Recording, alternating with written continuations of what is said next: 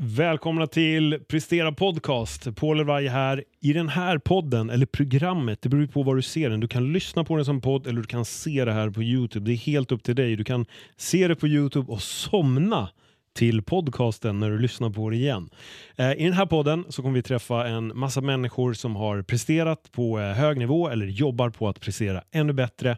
Och vi tar in dem här för att kunna peppa och motivera dig och även kommer de såklart få dela med sig av sina livsresor. Jag heter som sagt Paul Elvaje och jag har min sidekick som kommer vara med oss här hela tiden och det är Eliot Kim. Hur är läget Eliot? Jo men eh, det är bra tack. Lite småsjuk som du hör. Men det, jag känner att det blir en bra poddröst. Eller? Verkligen. Ja, jag menar det. Verkligen.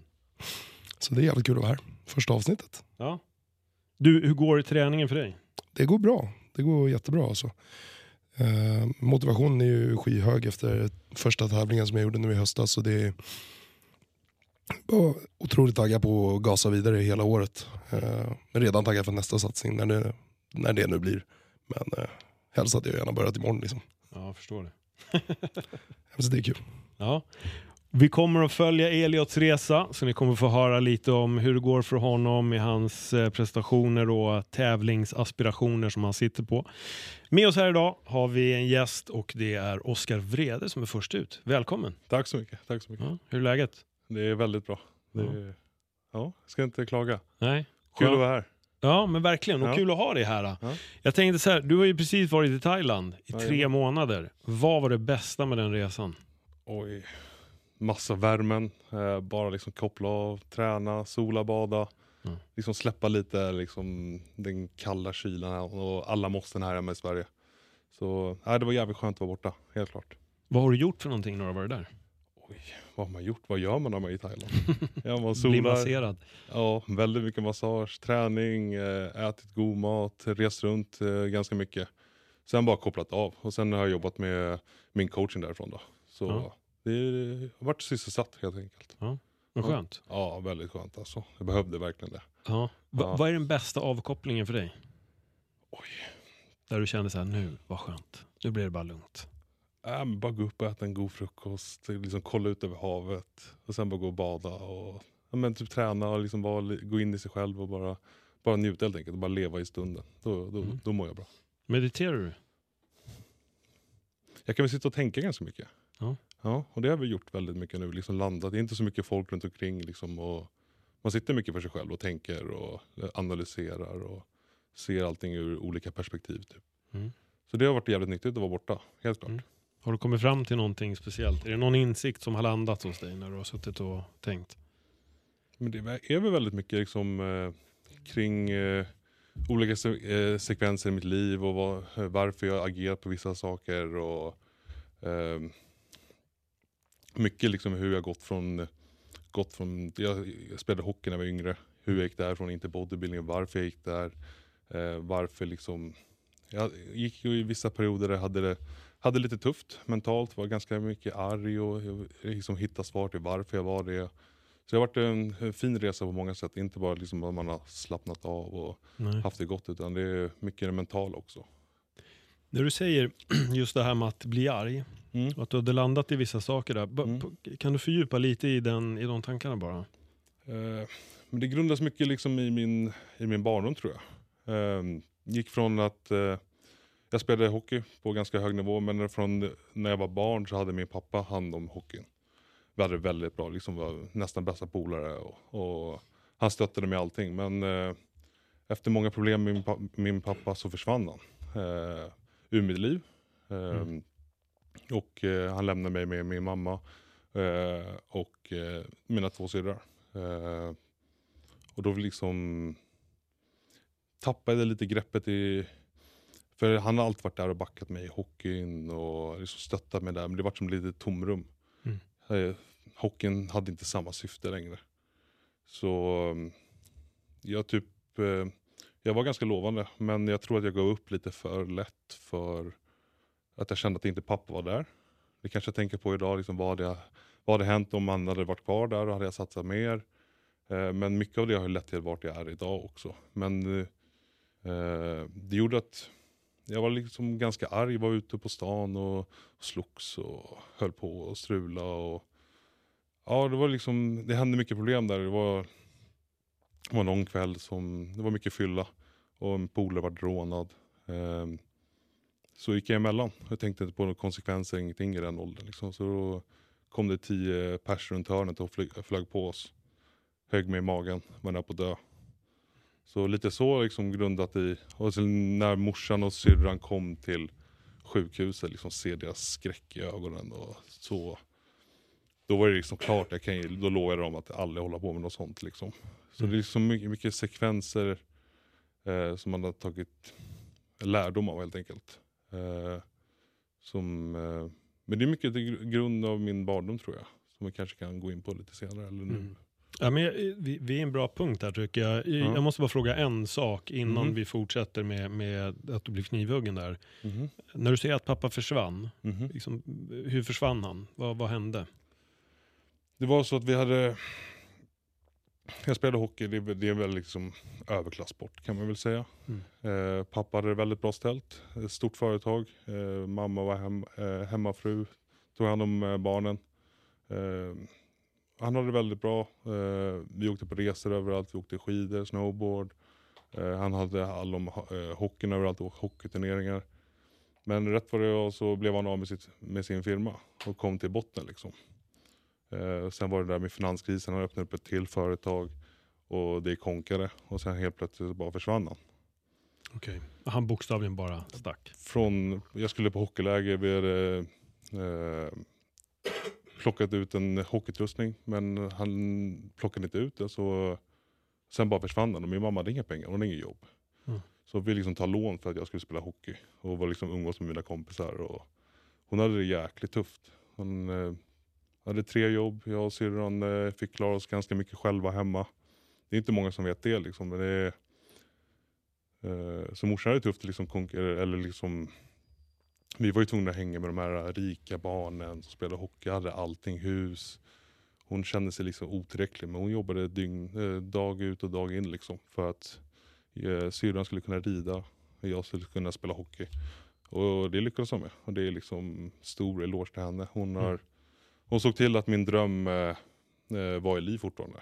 Hon fixade att jag kom in på hockeygymnasium uppe i Timrå. Eh, ja, hon är en stor bidragande faktor till att, eh, vem jag är idag. Mm. Att aldrig sluta eh, kriga och kämpa för sin sak. Liksom. Nej. Mm. Jag, måste, jag vill bara stanna kvar, Ta- en lite vatten om du vill. Jag vill bara stanna kvar lite vid den här grejen. Ehm, vet du något om din pappa idag? Ja, men vi har ingen kontakt. Vi han kom tillbaka lite i, i senare tid men det var någonting som var, det var inte samma sak. Men liksom, jag har fått lite insikter. Jag har varit arg på min pappa. Mm. Kanske eh, agerade ute på stan eller så. Men nu när jag varit borta så har jag liksom tänkt lite ett steg längre och tänker liksom in i pappas perspektiv. Gå från att ha allting till ingenting. Det är Mm. ganska tufft. Och liksom, han ser ju liksom alla andra pappor och liksom föräldrar i hockeysammanhanget som har allt och han kan inte ge det till mig. Så jag tror han skämdes ganska mycket och, och liksom tog den enkla vägen ut. Men det är klart det inte var lätt för han heller liksom, att svika sina barn. Liksom. Så det är väl det jag fått insikt och sluta vara arg på han. Liksom, utan vi får se vad som händer. Kanske ta kontakt med honom och liksom lösa det. Kanske behöver ett avslut. Mm. Men eh, det känns ändå skönt att landa i liksom att det är inte bara mitt perspektiv som spelar roll utan det är även hans. Och han är bara en människa. Det är inte så jäkla lätt heller liksom, att gå från det till ingenting och jag vet inte, skuldsatt eller inget. Mm. Så det, det var tufft för han också och jag tror att han skämdes ganska mycket. När landade du i de tankarna? Det är ju väldigt Är nyligen. det nu i ja, Thailand kanske? väldigt eller? nyligen. Mm. Så det är en ganska skön känsla att, uh, att uh, ha fått, helt klart. Känner du dig lättad? Ja, sen känner jag väl att ja, det var nyttigt för mig att verkligen se det från det perspektivet och inte bara mitt. Mm. Det arga unga. Men det är väl så, man utvecklas ju som person. eh, Ju äldre man blir. Mm. Även jag blir gammal Mm. och visar det. Stort av dig. Ja. Faktiskt. Ja. Att kunna, som du säger, släppa. Mm. Alltså att inte vara arg. Att Mm. börja titta lite ur hans perspektiv också. Mm. Att börja se det. Sen betyder inte det att det han gjorde var eh, korrekt. Nej, Men ändå att kunna släppa kanske den här ilskan som du känner att du har gått runt med och kunna landa Absolut. och kanske bli ja, men, gladare på sikt också. ja. Men jag tror det är mycket liksom det där med att att jag vart knivhuggen och såg hur min mamma och syrra var så extremt ledsna och rädda framför Då lämnade jag lite den vägen, kom in i bodybuildingen, eh, hittade nya sätt att ta mig framåt Mm. och liksom la min energi på andra saker. För, förut hade jag alltid hockeyn. Sen var det liksom att jag la av med den bara för att jag, vet inte, jag gömde mig i någonting tror jag. Ja. Någon osäkerhet kanske eller ja, jag tappade lusten och det roliga i hockeyn helt enkelt. Så jag började ja, strula och sen eh, kom jag in på bodybuilding som räddade mig verkligen. Och nu står jag här idag och tävlar tre gånger. Mm. Ja, det, och hoppas att det kan bli väldigt många fler tävlingar. Ja. Och mer, mer muskler på kroppen. Ja. det brukar vara syftet. Ja. Men jag är lite nyfiken, hur kom du in på just bodybuilding? För du sa ju det, det var ju hockeyn. Mm. Men liksom, lämnade du det för att gå över till bodybuilding eller hade du lämnat hockeyn, Nej. börjat strula och sen... Jag gick som sagt, eh, spelade hockey hela livet. Mm. Kom till TV-pucken. Eh, fick eh, gå hockeygymnasium på Timrå, flyttade upp dit. Eh, gick bra, men eh, när jag var yngre var jag väldigt mycket mer så här, spelskicklig spelare. Och sånt. När jag kom upp till Timrå så räckte inte det riktigt till. Men jag, det tog för lång tid för mig att haja att jag inte var tillräckligt bra på att eh, ja, men det spelskickliga spelet helt enkelt. Jag var ganska stor och stark. Och, eh, men det, jag, jag var assisterande kapten och kapten uppe i Timrå. Sen därifrån gick jag till AIK. Fast jag hatar AIK. Jag är, jag är djurgårdare. men, men där vart jag kapten också och det hade min bästa säsong för där verkligen lärde jag mig att jag är stark. Jag är bra på andra saker, tacklas och liksom ta för mig och liksom den typen av spelstil. Eh, men jag tror jag kom på det för, för sent. För där började jag bli liksom lite less på hockeyn och när man väl inte har fått ett öga för liksom, eh, kl- andra klubbar liksom högre upp. Nästa steg är ju liksom mm, elitserien eller NHL. Liksom. Mm. Men det tog, för lång tid för mig att fatta det så folk kom före. Och där ville jag inte liksom kriga vidare i en, eller i en lägre division. Så då bara slutade jag. Hur gammal var du då? 19 tror jag. 19? Så jag bara kastade bort allting som jag kämpade för. Ja. Bara för att jag tog en enkel väg ut och medan jag var i min sista klubb så höll jag på att slå- slåss på kvällarna och på nätterna. Och, eh, gick på fotboll och ja, med allt sånt där. Liksom. Mm. Men sen var det en kväll som gick snett och efter det så var det vändpunkten till att eh, komma in i byggningen. Så hockeyn slutades, eh, jag började slutade fightas, började, började gymma och ett år efter jag slutade på hockeyn så eh, stod jag på Lucia och vann. Så Mm. det var kul. Mm. Ett år. Ja. Och och det var, var det knivhuggningen då som gjorde att du ändå Ja, var det den jag kvällen lämnade den kvällen så, Ja. så började jag gymma och bosatte mig där på gymmet. Så. Men vad landar du i för insikter där? Alltså att bli, jag kan ju inte föreställa mig, jag har inte blivit knivhuggen, men, men Nej. vi lever ju i, en jävligt, i ett väldigt skevt Sverige just Mm. nu. Ehm, jag är påverkad på mitt sätt av, Mm. av sånt som har hänt med skjutningar och så vidare. Men för dig, vad, vad, vilka insikter landade du i av att ha blivit knivhuggen? Se din mamma, din syster i den här rädslan, oron över dig. Vad började cirkulera i huvudet?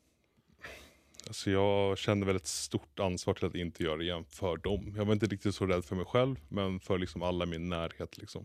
Vad hade hänt om jag, om jag hade träffat någon eh, elev eller något sånt där? Liksom. Eller vad som helst, och jag hade dött. Mm. Jag tror inte min familj hade klarat det, eller vänner. Så jag kände ett ansvar till dem och inte eh, hålla på med, i den riktningen. Liksom. Så då, då sket jag det och började gymma. Och sen har det gått ganska bra efter det. Liksom. Mm. Och det är jag tacksam för att jag är kvar här idag. Liksom. Mm. Ja, annars hade vi inte haft det här. Nej, så jag ser det som en andra chans att bara kötta på och göra det man verkligen gillar. Och, ja. Ja, verkligen. Mm. Och så, vad, vad var det som gjorde att du blev kär i, i liksom byggning? Vad var det som gjorde att du fastnade för det? Men jag har alltid, alltid gillat att träna, alltid gillat att liksom pusha mig själv hårt. Eh, tränat, eh, det har varit mycket gym i hockeyn. Så det föll ganska naturligt att det blev gymmet. Sen har jag alltid, man har alltid velat göra någonting. Eller så sportat eller något sånt. Så det är liksom, bodybuilding är ju fortfarande det är en tävling mot andra människor också. Så, och det gillar jag. Mm. Så eh, det var ju liksom både att man älskar träningen men älskar tävlingen också. Så det, det föll naturligt. Hade du tittat på de här tävlingarna innan eller var det någonting som öppnade upp sig då? Inte jättemycket. Men sen började jag bli mer och mer intresserad. Folk frågade om jag skulle tävla. Jag bara nej, nej jag ska inte tävla. Jag gillar bara, jag gillar bara att träna liksom. Men eh, sen började jag liksom kolla på Kevin LeBrone och Dorian Yates på Youtube. Och då bara, ah, morsan, jag ska tävla. Kolla vad det är. Hon bara, vad är det där för? Så ja, resten är historia. Ja. Vad var den tuffaste utmaningen med första tävlingen? Att dieta själv utan coach, utan kunskap. Mm. Det var svårt. Man gjorde, jag vet inte vad jag gjorde. Men jag, Berätta, det här vill vi veta för all, det finns alla går nog igenom den grejen någon gång. Ja. Bara fördjupa Nej. oss, eller vi, berätta mer. Alltså, jag tränade som, hur, med hur mycket vol- volym som helst. Eh, väldigt många sätt, allting. Bara körde på, öste, öste, öste. Mycket cardio, två tim- en till två timmar varje dag. Lite mat. Eh, och tänkte inte så för. Jag tänkte inte liksom på återhämtningen och sånt. Det var bara liksom all in i 16 veckor. Sen stod jag på scen. Och jag var ganska hård också, så det var nöjd med min prestation. Mm. Jag hade lite hjälp och liksom så guidning av eh, en kille på gymmet. Men eh, mycket beslut togs själv och mycket, många misstag gjordes. Men eh, mycket lärdom kom också. Mm. Men man hade kul också. Man tänkte inte så mycket. Det var inte så här, nu har man ju liksom regler liksom man följer och liksom, där lyssnar man inte på någonting utan man bara kör det. Och det har liksom en charm i sig själv också. Vad skulle du säga är de största misstagen du gjorde där? kanske um, körde väldigt mycket, för mycket på gymmet, för mycket aktivitet utanför med cardio, eh, för lite mat. Eh, och sen körde jag alldeles för hårt från början. Mm. Men eh, å andra sidan hade jag kanske inte kommit i form om jag inte gjorde det första tävlingen. Det är svårt att komma i form eh, om man inte varit, varit det förut. Så det, jag skulle nog inte säga att jag ångrar eller något sånt. Nej. Nej. Så vilka lärdomar har du gjort i tävling två när du väl har haft någon vid din sida? Jag gjorde väl ett misstag i tävling två, mer än tävling ett. Då tog jag del av en coach som eh, ville bara ha guld och inte mitt bästa. Eh, Eh, jag mådde skit under den eh, dieten. Eh, han pushade mig väldigt hårt och jag sa att jag mår inte bra. Men han sa det är bara fortsätt pusha, vi ska gå för guld. Och, en, och idag så har det lett till lite komplikationer som jag inte vill liksom att andra ska gå igenom. Så det är väldigt viktigt att man lär sig av en eh, bra coach och man tar hjälp av någon som man verkligen litar på som är liksom pålitlig. Inte bara ser till guldmedaljer och sånt utan bara till din hälsa och liksom din egen eh, resa framåt ska vara så bra som möjligt. Mm. För det ledde till, eh, anledningen till att jag åkte till Thailand också var ju att eh, jag fick njursvikt. Eh, jag, hade varit, jag blir sjuk varje vinter. Jag får ofta så här bioinflammation och sånt. Och jag jobbade som arbetsledare på ett byggföretag. Eh, och kände liksom aldrig av och bara jobbade, jobbade, jobbade. Stressade, stressade. Eh, lyssnade aldrig på kroppen. Eh, när jag väl, typ, det tog typ fem månader innan jag blev helt frisk. Sen tog jag ett blodprov och såg att jag hade fått njursvikt. Så liksom en kombination av att jag hade en sån coach som pushade min kropp väldigt hårt som inte jag hanterade. Eh, och stressen som jag på, eh, som påtvingade min kropp när jag jobbade sjuk. Eh, ledde till att jag fick njursvikt. Så nu är jag under en läk, läkprocess. Eh, och hoppas att jag kan, kan tävla igen. Jag vet inte. Men eh, vi ska ta ett blodprov snart här och se om hälsan är tillbaka på banan igen. Mm. Och därifrån kommer jag vara, få vara väldigt försiktig. Men det är bara det liksom att det gäller att lyssna på rätt personer, speciellt i ung ålder. Så man inte går de nitlotterna som jag har gjort. Så det är väl det, det budskapet jag också vill eh, sprida till unga som kommer in i den här branschen. Liksom, att eh, verkligen ta reda på info, eh, ta rätt hjälp. Eh, så man kan vara i, här, i den här sporten länge. Om du ändå skulle få ge de här tipsen, om vi säger att du skulle kunna ge tre stycken eh, råd Mm. till någon som vill tävla och allt det här. Vad, Mm. vad skulle det vara? Först och främst, eh, det är väldigt bra att ta hjälp av en coach när du, när du är ung. När du, så du slipper göra alla misstag. Jag hade ingen coach i början, så man gjorde väldigt många misstag. Eh, innan man liksom hittade rätt träning, hittade rätt i kosten och eh, supplements. Liksom. Så ta hjälp tidigt, lär dig rörelser. Um, Och sen tar tid innan du kör din första tävling så du verkligen har muskelmassa. Det är väldigt liksom, ja det kanske är taskigt att säga men det är ganska låg eh, standard på tävlingar. I och med att folk är för stressade att gå på scen. Ta din tid på gymmet och utveckla, speciellt när du är ung. Det finns- Du kommer inte bli proffs då i alla fall. Då är det bättre liksom att bara få på ordentligt med muskelmassa och sen tävlar du. Och sen därifrån kan du tävla ganska mer frekvent. Mm. Passa på när du är ung och liksom kan bygga mycket muskler. Det kommer liksom hjälpa dig i det långa loppet. Vad var det mer? Det var... Ja, det var precis det var tre stycken. var tre, det var en, va? Jag, vet inte. det var mycket. Det var mycket. Det var mycket i den. Ja, det Men- ta hjälp, vad vad kan det vara mer Precis. då? Om vi tänker så här då, för det det här faller in i den kategorin då. Mm. Vilka misstag gör man på gymmet? Just träning skulle du säga när det gäller att så ry- rycka och slita vikt. Ja, Har du men dels är det ju liksom att man inte bemästrar tekniken liksom i alla rörelser, basövningar.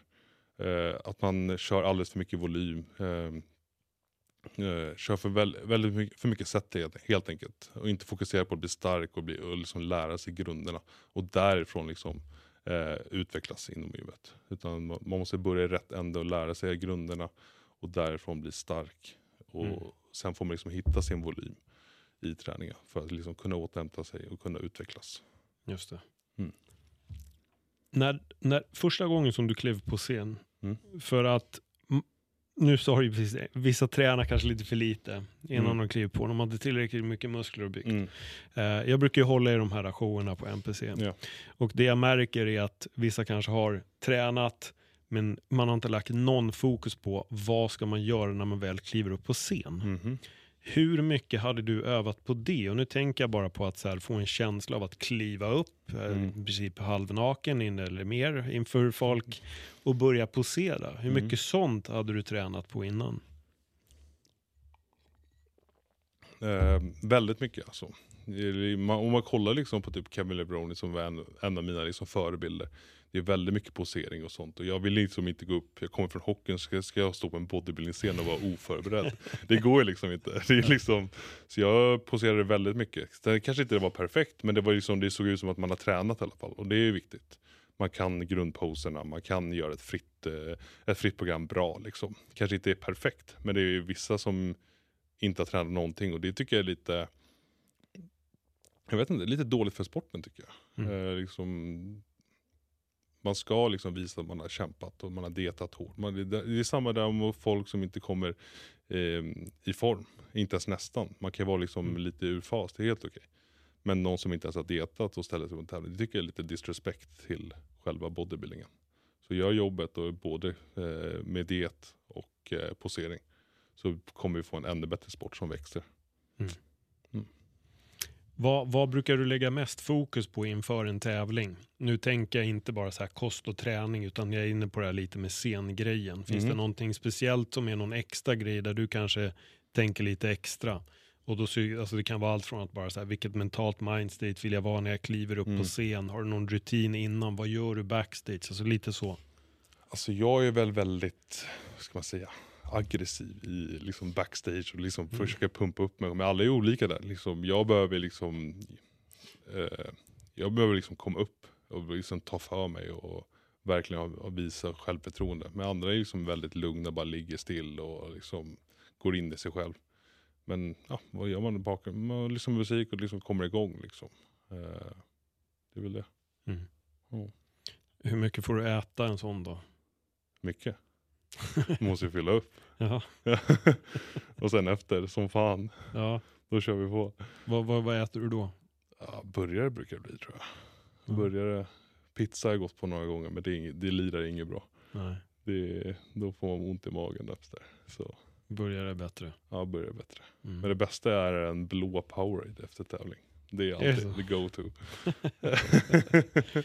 Återställa vätskan. ja, exakt. Ja.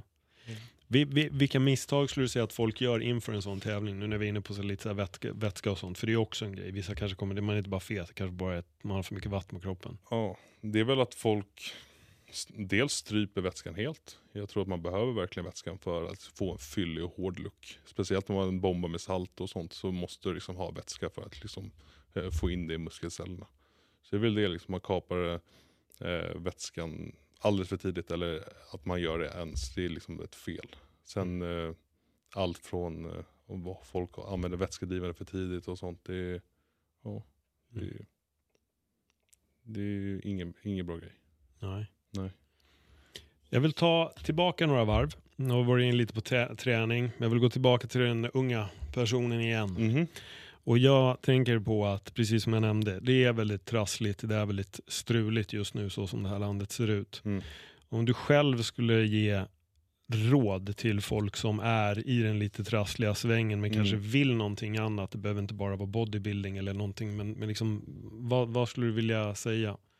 Att bara gå därifrån, för det kommer inte komma med någonting bra. Liksom, det är bara dystert, det är mörkt, folk mår inte bra där.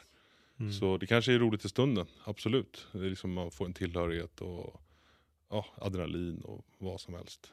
Men eh, fokusera på någonting som verkligen kan eh, ta din framtid till, nästa steg. Liksom, och hitta någonting som eh, driver dig framåt, eh, som ger dig glädje. Eh, ha vänner runt omkring dig som vill samma sak. Eh, ja, sprid kärlek, eh, sprid goda energier. Uh, umgås med folk som vill det väl och vill samma saker. Det Mm. kommer, vad det är, det är upp till dig liksom. Men eh, hitta någonting som driver dig framåt, om det är gym, om det är löpning eller jag vet inte. Någon sport överlag liksom. Mm. Jag tror det är väldigt bra liksom, att hålla sig aktiv också eh, i någon form. Så ja, men hitta någonting som verkligen tar dig framåt och utvecklar dig både fysiskt, psykiskt. Var det många vänner som, som var, var du tvungen att bryta med vänner på den tiden också? Ja men lite så. Sen kanske jag inte skulle kalla dem vänner. Nej. De kanske varit lite sura liksom. Men eh, de värderade inte högt utan värderade min familj och mina riktiga vänner som backade mig. Så de såg alltid upp för mig. Liksom. Mm. Det var de som betydde någonting och det var ett väldigt enkelt val. Mm. Mm. För det vet jag också, det kan ju vara en väldigt tuff utmaning ibland Ja. att göra det. Mm. Vad, vad sa folk när du sa att du ville börja med bodybuilding och den här nya Oscar? Det var väl lite så här små hot eller så här glidningar och liksom, ja, kallade mig saker men jag, jag skakade av det liksom. Så det, jag la ingen, jag la ingen energi på det, jag var väldigt klar. Mm. Så det, det kändes bra liksom och jag tror att- att de respekterar mitt val idag. Mm. Eh, så. Det är många av dem som, eh, ska man säga, jag har dem som vänner också, vissa, Mm. som är väldigt bra personer. Så det var det några som inte var bra, de är ju borta liksom. Nu, du, det var ju lite det här hälsoproblem, njursvikt och sånt. Mhm. du, jag, tror- jag tror att du sa att du inte visste riktigt om du kommer kunna tävla igen eller inte va? Alltså Eller? jag hoppas, hoppas, hoppas. Ja. Eh, men hälsan är alltid viktigast. Så funkar inte njurarna så funkar de inte. Eh, när de väl är skadade så är det svårt att de ska bli bra igen. Men Mm. eh, jag hoppas att det kommer gå. För nu har jag liksom tagit det väldigt lugnt sen jag fick det förra sommaren. Eh, så tagit det väldigt piano. Jag har inte pushat någon mat alls. Så jag tycker ändå att jag har hållit min size väldigt bra. Även fast jag ätit lite mat och eh, ja, inga supplements och allting. Så så tror jag att jag kommer komma på en bra plats och därifrån kommer jag få vara väldigt moderat med allting. Mm. Eh, och bara sikta framåt och bara steg för steg. Bara jag får in mig lite mer mat nu och liksom kommer in i rutin eh, på gymmet och tränar hårt så tror jag att jag, det kommer bli riktigt bra. Liksom. Jag hoppas och tror. Vad var känslan när du fick höra om njurs, njursvikt? Vilka tankar dök upp? Det var ju en extrem, extrem tomhet. Liksom, låg in på sjukan i en vecka med något ingrepp i njuren och tog vävnad och kollade liksom när de sa det. Sen självklart säger de alltid det värsta. Eh, det finns alltid saker man kan göra också. Det finns ju stamceller, det kostar ju skjortan dock. Men Mm. eh, de säger alltid det värsta där får man ju liksom bilda sig en uppfattning om eh, vilka risker man vill ta. Så, men det är självklart en tomhet från det man har kämpat för. Om det ska vara helt slut. Men jag hoppas och tror att jag kommer kunna stå på en scen. Speciellt i NPC. Så ska du Mm. skicka fram mig med Ja. guldmedaljen där.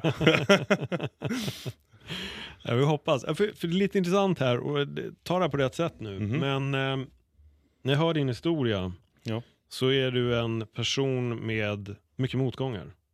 ja. Om du förstår vad jag menar. Mm. Men du är också en person som alltid hittar en lösning. Det är bara min, tack vare min mamma. Ja. Alltid pushar mig framåt. Liksom hon har aldrig sett någonting ur någon negativ eh, perspektiv. Alltid hitta någonting som är liksom, det positiva. Hon vänder alltid på det. Om jag kommer Mm. lite deppig eller sånt, hon vänder det bara direkt. Hon gör det automatiskt. Jag vet inte, hon är en riktig jäkla klippa. Ja. Så det, är- ja, det är bara tack vare henne. Liksom. Hon har tacklat så mycket motgångar själv. Inget jobb och liksom, eh, fått bara ta hand om oss, bara lösa det. Hon liksom hade ingen bil, knappt något jobb, men eller, så, så här strövjobb här och där. Cyklade mitt i natten i liksom 20 minus för att jobba. Vi, vi fick gå upp till skolan själva, vi fick eh, käka middagar själva ibland. Och jag var ju 8-10 år kanske. Mm. Så det var ju tufft. Mm. Men eh, det är kanske inte folk som vet om det där. Liksom. Eh, men eh, samtidigt så vart vi jävligt starka som familj. Eh, och som du säger, eh, vi kan tackla motgångar. Vi bara pushar framåt och jag försöker vara så positiv som möjligt i mitt liv. Eh, ser utmaningar liksom och går framåt. Försöker alltid utvecklas på något sätt. Du har en stark mamma. Väldigt. Ja. Ja. ja, det är fint. Mm. Är fint. Jag känner igen mig på ett sätt lite i det. När du Ja. pratar om det där känner jag igen mig. Ja. Eh, Min pappa flyttade tillbaka till Spanien när jag var tio. Mm. Jag är alltid dit så att vi har, Mm. vi har en kontakt, vi har kontakt liksom, jag och min pappa. Mm. Men jag hade också en mamma hemma som tog hand om mig och min storebror. Mm. Och som pluggade till sjuksyrra och liksom skötte jobb och ibland jobbade natt och så var tvungen att sköta sig själv. Jag skolkade i och för sig asmycket på grund av att hon inte var hemma. så det kanske var negativt. Men eh, det har aldrig lidit någon, någon nöd Nej, på oss. jag antar att ni har blivit starkare av det också. Exakt, Ja. exakt. Och jag har också kunnat se sådana där grejer Mm. med. Man kanske inte såg det då, men, Nej. men man ser det idag. Och vi har också en jättetajt relation, både jag, min mamma och min bror. Mm. Så att lite senare idag så ska jag iväg dit och käka middag. Ja. För det är det vi gör varannan söndag, så, så ses, ses familjen. Ja. Jag tror det dig någonting gott liksom, i livet. Absolut, Det utvecklas på ett annat Ja. sätt än om det inte hade varit så. exakt. Och det är det jag hör på dig med. Och det, det som blir intressant, för jag, jag har en känsla av att om vi säger nu att du inte kan köra bodybuilding Mm. så kommer du att hitta något. Det kommer jag göra. 100 procent. Ja, ja. Och jag vet inte om det kanske blir så ballett och helt plötsligt blir du bästa ballettversionen. Jag har kört lite, kört lite thaiboxning i Thailand så du kanske kommer Fötterna kommentera kommer mig där. upp. Ja, ja, exakt. Blir nedslagen på tv. Ja, ja. Nej, så kommer det inte bli. Men. Ja. Nej, Nej, men... jag tror jag kommer hitta eh, mitt sätt. Det spelar ingen Ja. roll. Liksom. Men självklart, hälsan är viktigast. Så går det Ja. inte så kommer jag hitta en annan väg. Eh, Mm. Nu har jag fullt upp med coaching och allting. Så jag Mm. försöker bara driva min business samtidigt som jag försöker bli bättre som atlet också. Mm. Men berätta lite om det, för det är väldigt intressant. Mm. Du sa ju redan det innan, att du, du höll ju på med coachingen där när du var i Thailand. Mhm. Och eh, hur, hur tycker du att det funkar? Att liksom, att nu, för, för du har ju gått igenom, du sa ju det, Mm. haft en dålig coach och Mm. nu får du ändå möjligheten att liksom göra det på ditt sätt. Exakt. Liksom, jag använder liksom all min erfarenhet och liksom alla motgångar som jag haft. Kanske liksom, man ser liksom vad jag vill vara för coach. Jag har haft en dålig coach, jag vill inte vara den coachen.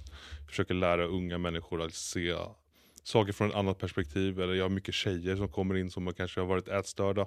Försöker Mm. bara se dem liksom från ett annat perspektiv. Liksom mat är din vän, hård träning är din vän. Liksom. De är, liksom försöker bara vända deras hela mindset eh, kring det till det bättre. Och sen unga killar liksom inte eh, får dem att göra dumma saker i ung ålder. Lära dem träningen, lära dem liksom allt det viktigaste, grunderna.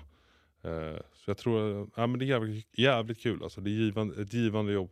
Och Mm. jag hoppas att eh, det kommer växa ännu mer. Då. Så det är skönt att komma från byggsvängen. Nu kan jag bara fokusera på min egen business och liksom, jag är min egen chef.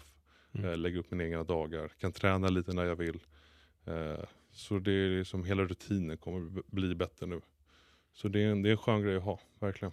Coachingen, är den mest inriktad på folk som ska tävla eller är det allt? Det är en väldigt stor mix. Ja. Eh, mer åt det livsstila hållet då. Eh, blandat killar tjejer. Sen har jag några som ska tävla i år. Så det, det ska bli jäkligt kul. Ja. Teamvrede, look it up. Ja, ja, ja, men verkligen. Ja. Eh, men då kan vi ta det direkt. Ifall man vill boka dig som, som coach och så, hur hittar Mm. man dig? På eh, min Instagram, Oskar Vrede. Eh, eller så coachvrede at gmail.com. Mm. Så tar vi det därifrån. Se vad vi kan göra med din fysik och din hälsa och hela din resa, mindset. Det är väldigt mycket, det är liksom hela, det är inte bara liksom att du får träning och kost utan det är liksom helheten. Väldigt mycket kontakt mellan varandra och liksom försöker bara få det till en bättre människa utanför gymmet också. Mm. Eh, din, eh, din, psykisk, eh, psykiska resa också, liksom, mentala. Eh, ta den framåt. Liksom. För det, går, det är inte bara träning, det är liksom livet Mm. som är, allt går hand i hand. Om inte liksom ditt mentala är på plats, då kommer inte din träning funka. Mm. Om du mår bra så kommer din kropp eh, eh, svara på det. Liksom. Så, eh, din hjärna eh, styr liksom allting. Så det, ja, det är mycket, det är inte bara, folk kanske tror att man bara liksom kollar på kost och träning och sen that's it. Men det är väldigt mycket bredare än så. Mm. Bra. Där särskiljer du dig från många. Ja. Var, varför säger jag det? Vet du det? Nej. För att du går in på det psykiska också. Ja. För det är sant. Jag har jobbat Mm. som PT själv i tio år. Mm. Jag är väldigt mycket, gillar att snacka djupt, utforska Mm. livet och hit och dit. Men, men jag märkte att det var väldigt många där det handlade mer om psyket. Mm. Liksom att det var det man var tvungen att få på plats. Ut- liksom, bara utan det så, går, så Nej. fallerar allting. Och då är det liksom, kanske de tränar hårt i två månader, men sen kommer en motgång och sen är Mm. de ner igen. Det är så alla håller på med gymmet. Liksom. Det är Mm. därför inte så många utvecklas som de bör göra. Eh, det är ju det är fler som inte är utvecklade än de som utvecklas faktiskt. Och det Mm. är liksom för att de inte har det. Eller liksom det kommer motgång, då tappar de allting. Och sen är de tillbaka på ruta ett. Och sen håller de på att rulla så i tio år. Mm. Eller liksom om du liksom tacklar motgång bra, liksom har is i magen. Det kanske inte, träningen kanske inte är 100% hela tiden. Eller kosten, men du tappar aldrig. Mm. Tappar aldrig rutinen. Det, liksom, det blir liksom ett annat mindset. Sen när det väl kommer på banan igen, när det kommer en high, då är du, på, då är du liksom redo. Då kommer du förbi där du var före tidigare. Och då utvecklas du. Mm. Så det liksom gäller bara att hålla i det. För alla har eh, uppar och dalar. Eh, och liksom när dalen kommer, då måste du liksom vara stark mentalt. Annars fallerar allting och du slutar träna, slutar äta. Eller äter alldeles för dåligt. Mm. Så, och sen är du tillbaka på ruta ett och bara får kämpa i uppförsbacke hela tiden. Så eh, folk måste bara inse att eh, ingen har liksom en ständig uppgång. Utan det är liksom upp ner, skador och liksom saker som händer i det sociala och jobb. Och, ja, det är mycket. Det är Mm. nu på vintern det är folk som är liksom trötta och eh, deprimerade liksom, och tappar allting. Och sen Mm. kanske någon som kommer på sommaren och det är bara fest som gäller. Det är gubbar, det är bara rullar och rullar. Så ja. Ja. En fråga här angående coachingen. Eh, har du några sådana här generella grejer som du kan se? Det här är ett klassiskt fel som väldigt många gör. Mm. Använder alldeles för tunga vikter med eh, dålig form. Mm. Eh, egolyft. Eller Mm. kör väldigt mycket för, eh, för hög volym. Eh, som kommer generera till noll muskelmassa. Bara överarbete hela tiden. Och bara ta det lugnt, bli stark och gör inte för mycket. Träna hårt, träna, träna nära fail. Lär dig hitta din failpunkt. Mm. Folk tränar inte ens till fail idag. Liksom. De, de kör liksom fyra set men inte till fail. Det är bara liksom, det är onödigt spenderad tid på gymmet. Lär dig träna till fail, lär dig bli stark, lär dig bemästra allting 100%. Då kommer du utvecklas. Bara du äter eh, eh, med den linjen också. När du säger för mycket volym, vad är Mm. det du menar med det? Så att vi får med alla här Okej. som inte Ja, kanske jag kan förstår. snacket. Ja, men till, till exempel liksom en klassisk, eh, alla kör t- tre gånger tio, fyra gånger tio på övningar. Liksom. Mm. Eh, så använder de samma vikt i fyra set och kör åtta reps till exempel. Mm. Det är ju ren omöjlighet. Eh, om du kör, säg 100 kilo i en stångrod eller i en benpress. Eh, den vikten kommer, kan ju aldrig vara samma under, under Nej. fyra set om du kör samma rep, för då har du inte nått fail. Då borde du göra kanske, ja men du gör 10 reps med 100 kilo. Nästa set borde du göra 7. Du borde liksom gå neråt. Men om du har samma hela tiden, då gör du bara dålig volym och dålig spenderad tid i gymmet. Så liksom minimera liksom dina set per muskelgrupp. Fokusera på att bli stark. Eh, kör en, en, två eller två, tre eh, max eh, per övning. Bli stark. Eh, gör det i olika repsintervaller. Eh, då kommer det utvecklas. Försöker liksom bli bättre för varje pass. Mm. Mm, än att bara liksom gå in på gymmet och bara köra allt hela tiden. Och bara jaga pump till exempel. Eh, Det kommer inte generera till muskelmassa på samma sätt som att om du blir starkare, om du blir bättre, om du bemästrar övningar bättre. Egolyft är den sista. Vad är det för den som inte vet? Egolyft är någon som vill bara ta eh, tunga vikter men eh, eh, offrar sin form helt enkelt. Så lär dig grunderna, lär dig rörelserna. Om du inte kan lära dig rörelserna själv, ta hjälp. Eh, ta en coach som Analysera din träning. Inte bara skicka ut ett eh, träningsprogram. För alla kan få ett pa- eh, ord på papper men det är hur man utför rörelserna eh, och vilken hjälp du tar och eh, hur du tar till den hjälpen. Det är det som tar dig framåt. Så verkligen liksom naila träningen, det är liksom grunden till allt. Tränar du inte bra då kommer inte liksom, då kan du äta hur mycket som helst. Men det kommer inte hända någonting. Utan det är liksom bara sätt träningen 100% och gå och utvecklas därefter. Sån jävligt oha- obehaglig grej på nätet. I någon, Mhm. någon månad sedan, Mhm. apropå egolift, Mm. så var det en kille någonstans i Asien, jag vet inte om det var Indonesien, som skulle göra ett egolift i knäböj. Ja, jag och vet vad du menar. Och han bröt nacken och Han dog. dog? Ja, han Det dog. där är sjukt. Helt sjukt. Och det är ju inte värt alltså, vad fan. Nej, det är extremt ovärt. Ja, ja. Alltså, Det är ju bara dumt. Så gör, det är bättre att få ut så mycket som möjligt av lite mindre vikt. ja. Alltså, det spelar ingen roll. Du utför allting 100%. Om det är lite mindre vikt på stången, så då får det vara så. Mm. Det spelar. Du ska inte vara någon styrkelyftare. Du ska bli bättre på din sport och det är bodybuilding. Mm. Eller bygga muskler. Eh, om du inte är styrkelyftare då finns det ingen anledning. Steppa ner det. Det är skönt att slippa ha så mycket vikt Mm. i en benböj till exempel. Istället för 250 med dålig form och ha 200 gör perfekt. Det är coolare. Mm. Hela vägen ner, hela vägen upp. Perfekt tempo. Och sen eh, ja, försöka, ha, försöka träna så bra och snyggt som möjligt. Och, och så nära fail som möjligt. Apropå kost, finns det några generella missar som folk gör där?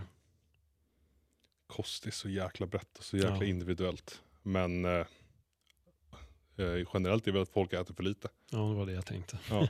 eh, liksom, de säger att de äter mycket men börjar man tracka dem så, eller följer dem en dag så Mm. de har inte en chans om de ska äta med en en hel dag. De tackar, tack och hej efter två måltider typ. Så Mm. det gäller liksom att äta mycket, mycket mer än vad man tror. Mm. Fokusera på hög protein, hög kolhydrater. Så få ha lite bra fettkällor också.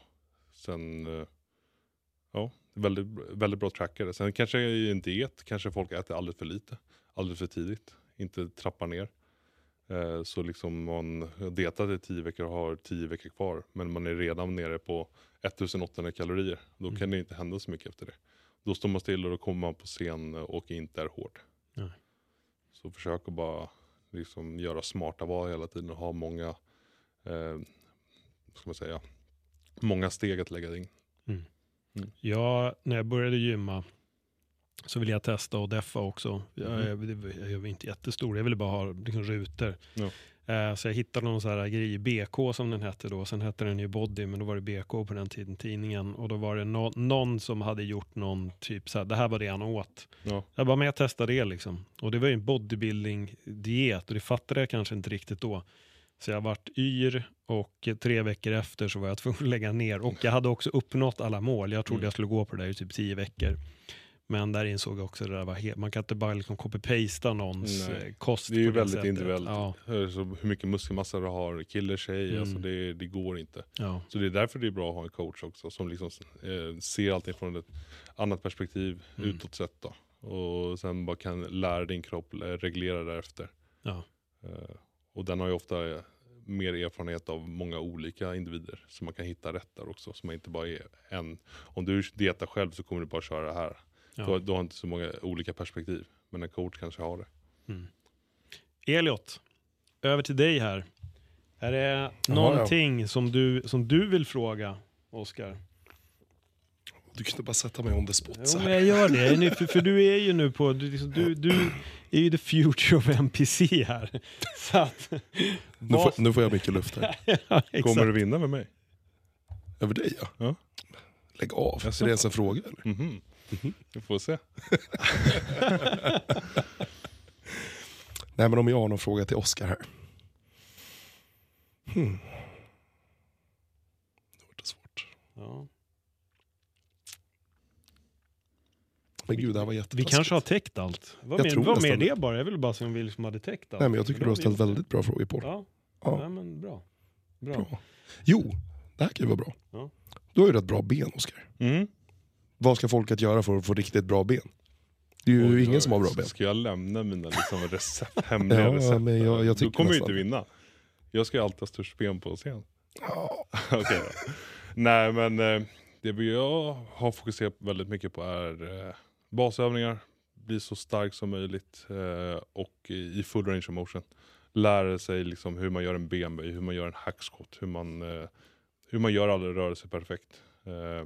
Hitta rör, rörelser som eh, du kan prestera bra i, som du kan lyfta tunga vikter i. Kan du inte göra en benböj, men gå över till en hackskott då. Försök och om du vill ha mycket quads, eh, mycket framsida ben, så böj så mycket som möjligt på knäleden. Eh, Jag ser många som liksom går halva reps i benpress eller i böjar och sånt. Och vill du ha stora ben så måste du gå ner hela vägen. Rumpan ner till hälarna. Paus i botten och sen pressa upp explosivitet. Och sen, ja, inte träna ben för ofta kanske. Utan liksom låta dig själv återhämta, speciellt om du är stark. Ju starkare du blir desto mer återhämtning kommer du behöva. Om det är liksom i början av din, av din liksom resa, då kan du få ben ganska ofta. Jag körde två gånger i veckan. Eh, och det kommer man undan med om man äter tillräckligt mycket mat. Men eh, böj på knäleden så mycket som möjligt. Eh, gör rörelserna perfekt och utvecklas därefter. När du säger vila där, ifall man har kört väldigt tungt, hur många Mm. dagar tycker du att man bör vila ifall man verkligen nu har pressat ut sina ben? Mm. Fem till eh, åtta dagar. Jag kör, eh, i och med att mina ben är väldigt dominanta kring min överkropp, eller kontra min De överkropp. jävla hockeybenen. Ja det är de. Så Ja. det, är, det, är, Mm. det är mycket genetik och det är mycket liksom därifrån, grodhopp från när man var typ så sex år kanske. Mm. Men liksom då jag kör varannan vecka eller en gång i månaden liksom, men det är inte så vanligt liksom. Nej. Men eh, jag försöker bara få dem liksom att eh, återhämta sig. Så du, kan, du känner det liksom. Om du inte blir starkare hela tiden, men ta lite mer vilodagar. Eh, så du verkligen kan prestera. Mm. Eh, ta dina set långt och sen återhämta dig därefter. Våga vila. Våga vila. Ja. Men sen ser jag liksom i benträningen framförallt så är det väldigt ofta folk är ganska mesiga. Det är väldigt tufft och tungt att träna ben kontra en annan muskelgrupp. Det blir, det blir jobbigt tidigt även fast du inte har nått fail. Så när du lägger av en benpress till exempel kanske du hade åtta reps till. Och då kommer det sättet ge dig noll fast du tror att du tränar hårt. Mm. Det är det som är skillnaden mellan folk som inte har stora ben kontra de som har stora ben. De, kan, de har pannben, de kan pusha sig själv långt. Och det är liksom man måste ta sig till en plats i ett sätt, i en benpress till exempel, i en hackskott. Som är jo- jäkligt jobbig och jäkligt påfrestande. Och det kommer ta på dig i vardagen också. Liksom det, du ska veta att du ska gå in och göra hackskottset på åtta plattor för 10 reps. Det är inte lätt och det är liksom, du kan vara livrädd för en ben, benböj för du vill inte skada dig till exempel. Men eh, det är liksom de som har stora ben, de kan träna ben hårt. Det är väl det som är nyckeln till att få stora ben också. Inte bara att eh, lära sig övningarna bra. Utan verkligen lära sig att eh, träna nära fail eller till fail. Det där kan jag tycka är ganska intressant om jag flikar in lite. Att, som du säger, folk, jag menar, det är ju sällan man ser någon som har svårt att pusha sig själv riktigt hårt när de kör bröst eller rygg. Något som de tycker är kul helt enkelt. Mhm. Men så fort det kommer till ben, då kanske de inte tycker det är lika kul och då blir det genast mer pussy training. Liksom. De, Mm. Om de inte tycker det är kul då är det väldigt svårt att pusha sig långt. Så det är kanske där nyckeln ligger också, att man måste lära sig att tycka det är kul också. För att få upp en muskelgrupp man behöver få upp. Man måste, man måste ju lära sig att träna hårt. Det är väl det, liksom, ben, det gör ju ont tidigt. Och eh, folk kanske tror att den smärtan är att det är fail. Folk måste liksom bara kanske träna med någon som kan träna till fail och lära sig det. Eh, hitta sin egen failpunkt. För det är ju väldigt viktigt. Liksom. Tränar man inte till fail i tre års tid så kommer du inte få större ben. Liksom. Men du kan få väldigt mycket eh, väldigt bra utveckling om du verkligen lär det. Så ta, ta hjälp av någon eller träna med någon som kan träna till fail. Speciellt i ben. För liksom alla kan träna fail i en axel i en axelövning. För det tar ju bara stopp helt, helt plötsligt. Liksom. Men ben så måste det gå långt. Eh, och det är där är det väldigt mycket psykiskt. Eh, hur hårt man kan pusha sig själv. Jag har en personlig fråga här Mm. angående träning och ben. Jag kan träna överkropp, armar och sånt och då jag kan gå ut och göra grejer efter det. Men Mm. när jag har tränat ben, då vill jag sova. Mm. Jag blir jättetrött och går jag hem och äter så känner jag redan, om jag tränar ben och är klar klockan fyra säger vi, redan klockan sju känner jag nog att det är nog dags att gå och lägga sig. Ja. Varför blir det så? Det är som påverkan på nervsystemet och mjölksyra och allting. Så det är liksom en stor muskelgrupp så du måste liksom vara beredd på att du inte kommer kunna göra så mycket när du Nej. tränar ben. Om du tränar ben hårt. Jag tränar alltid ben ganska sent så inte hela den dagen är förstörd. Mm. Jag bara går hem och äter och sover. Och det, det brukar funka. Så jag brukar träna ganska sent. Jag tycker det är ganska nice för då, då är det bara träningen är klar, du går hem och käkar och sover. Mm. Det är en ganska bra rutin. Får se lite nu, för jag har alltid jobbat eller gymmat efter jobbet. Nu har jag lite annan rutin, så får se hur jag tacklar det om jag tränar ben klockan 12 på en dag. Mm. Jag kanske, jag vet, kanske inte kommer klara det. Vi får se. Jag återkommer. Oskar, tack så jättemycket Tack för att du har själv. varit med och ja, tack så jättemycket för att du har öppnat upp dig, du har Mm. delat, du har gått in på sådana saker som en del personer inte vill vidröra och speciellt inte öppna upp sig för offentligt. Så jättestort tack för att du, för att du det med oss idag. Tack själv. Tack för att jag fick vara första gästen i er podd. Så Ja, ja, det är stort. Absolut. Och det kanske inte är sista gången heller. Vi Nej, får vi se får hur se. länge den här podden eh, fortsätter och allt sånt. Jag hoppas att du nästa tävling ger mig ett så här proffstyp. Det- Då blir jag glad.